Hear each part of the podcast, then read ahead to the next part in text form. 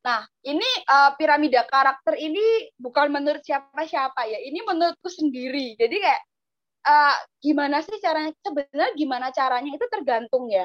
Makanya aku bilang ini adalah based on my experience gitu. Apa yang sudah aku pelajari dan apa yang menjadi pedomanku gitu. Kalian boleh punya pedoman masing-masing atau sendiri.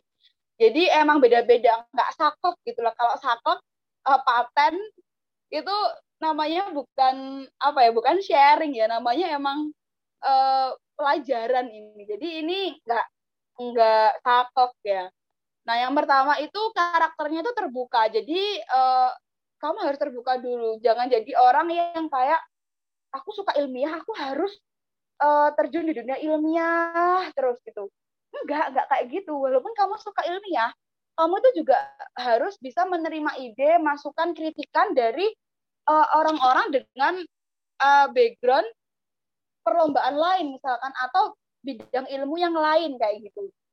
Jadi walaupun aku backgroundnya kesehatan, aku juga sharing sama teman-teman yang backgroundnya sosum kayak hubungan internasional, hukum, ekonomi, sastra gitu. Aku juga kadang sharing sama mereka kayak tanya kayak gitu kayak emang di tempat kamu tuh kayak gimana sih? Nah dari kayak gitu tuh aku bisa kayak mencari tali merah atau jembatan gitu ya kayak oh kayak ini bisa nggak ya dihubungkan dengan kesehatan? Kayak gitu.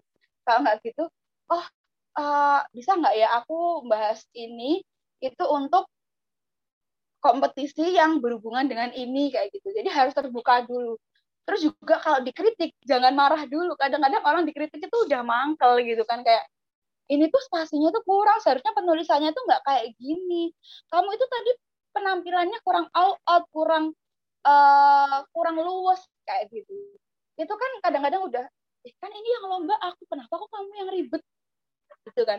Itu nggak boleh banget itu. Itu kayak no no big no. Makanya terbuka itu udah dasar uh, dasar dari uh, suatu pengembangan diri gitu lah. Yang kedua mau belajar jelas tidak cepat merasa puas dengan apa yang udah didapatkan berani keluar dari zona nyaman yang aku bilang. Walaupun uh, kamu misalkan dari anak hukum, bukan berarti kamu nggak bisa belajar ilmu kedokteran, bukan berarti kamu nggak bisa belajar ilmu sastra, bukan berarti kamu nggak bisa belajar ilmu farmasi kayak gitu. Jadi harus terbuka, mau sharing gitu, biar nggak hanya di lingkup ilmu aja, bertanggung jawab. Untuk menyelesaikan apa yang udah dimulai gitu, jangan putus di tengah jalan. Terus juga jangan pernah menyalahkan orang lain kadang-kadang kalau kita gagal itu kita menyalahkan orang lain kayak seharusnya anggota aku nggak dia kalau dia itu aku emang udah tahu dari awal pasti kayak gini itu nggak boleh banget itu kayak yang namanya kelompok harus bareng-bareng dong kayak gitu. Nah yang terakhir paling akhir ini aktualisasi diri, di mana mampu mengembangkan diri. Setelah kamu tahu passionmu di mana, ketertarikanmu di dunia apa, ya udah kembangkan kayak gitu. Nggak kalau aku menganut kepercayaan itu nggak semua orang eh bukan gimana kata-katanya. Nggak semua orang itu bisa multitasking. Kayak multitasking itu adalah hal yang sulit gitu loh. Aku aku pun mengakui aku nggak bisa multitasking. Kalau misalkan aku harus ngerjain jurnal ya aku fokus akan ke jurnal aja. Kalau misalkan aku harus ke pasien ya aku harus ke pasien aja. Aku tuh nggak bisa mikir yang cabang-cabang gitu loh. Kayak harus tak bagi waktunya. Kayak jam segini segini itu aku mikir buat ini ini ini segini gitu. Jadi uh, prepare apa yang akan kita kerjakan kayak gitu. Jadi harus kembangkan.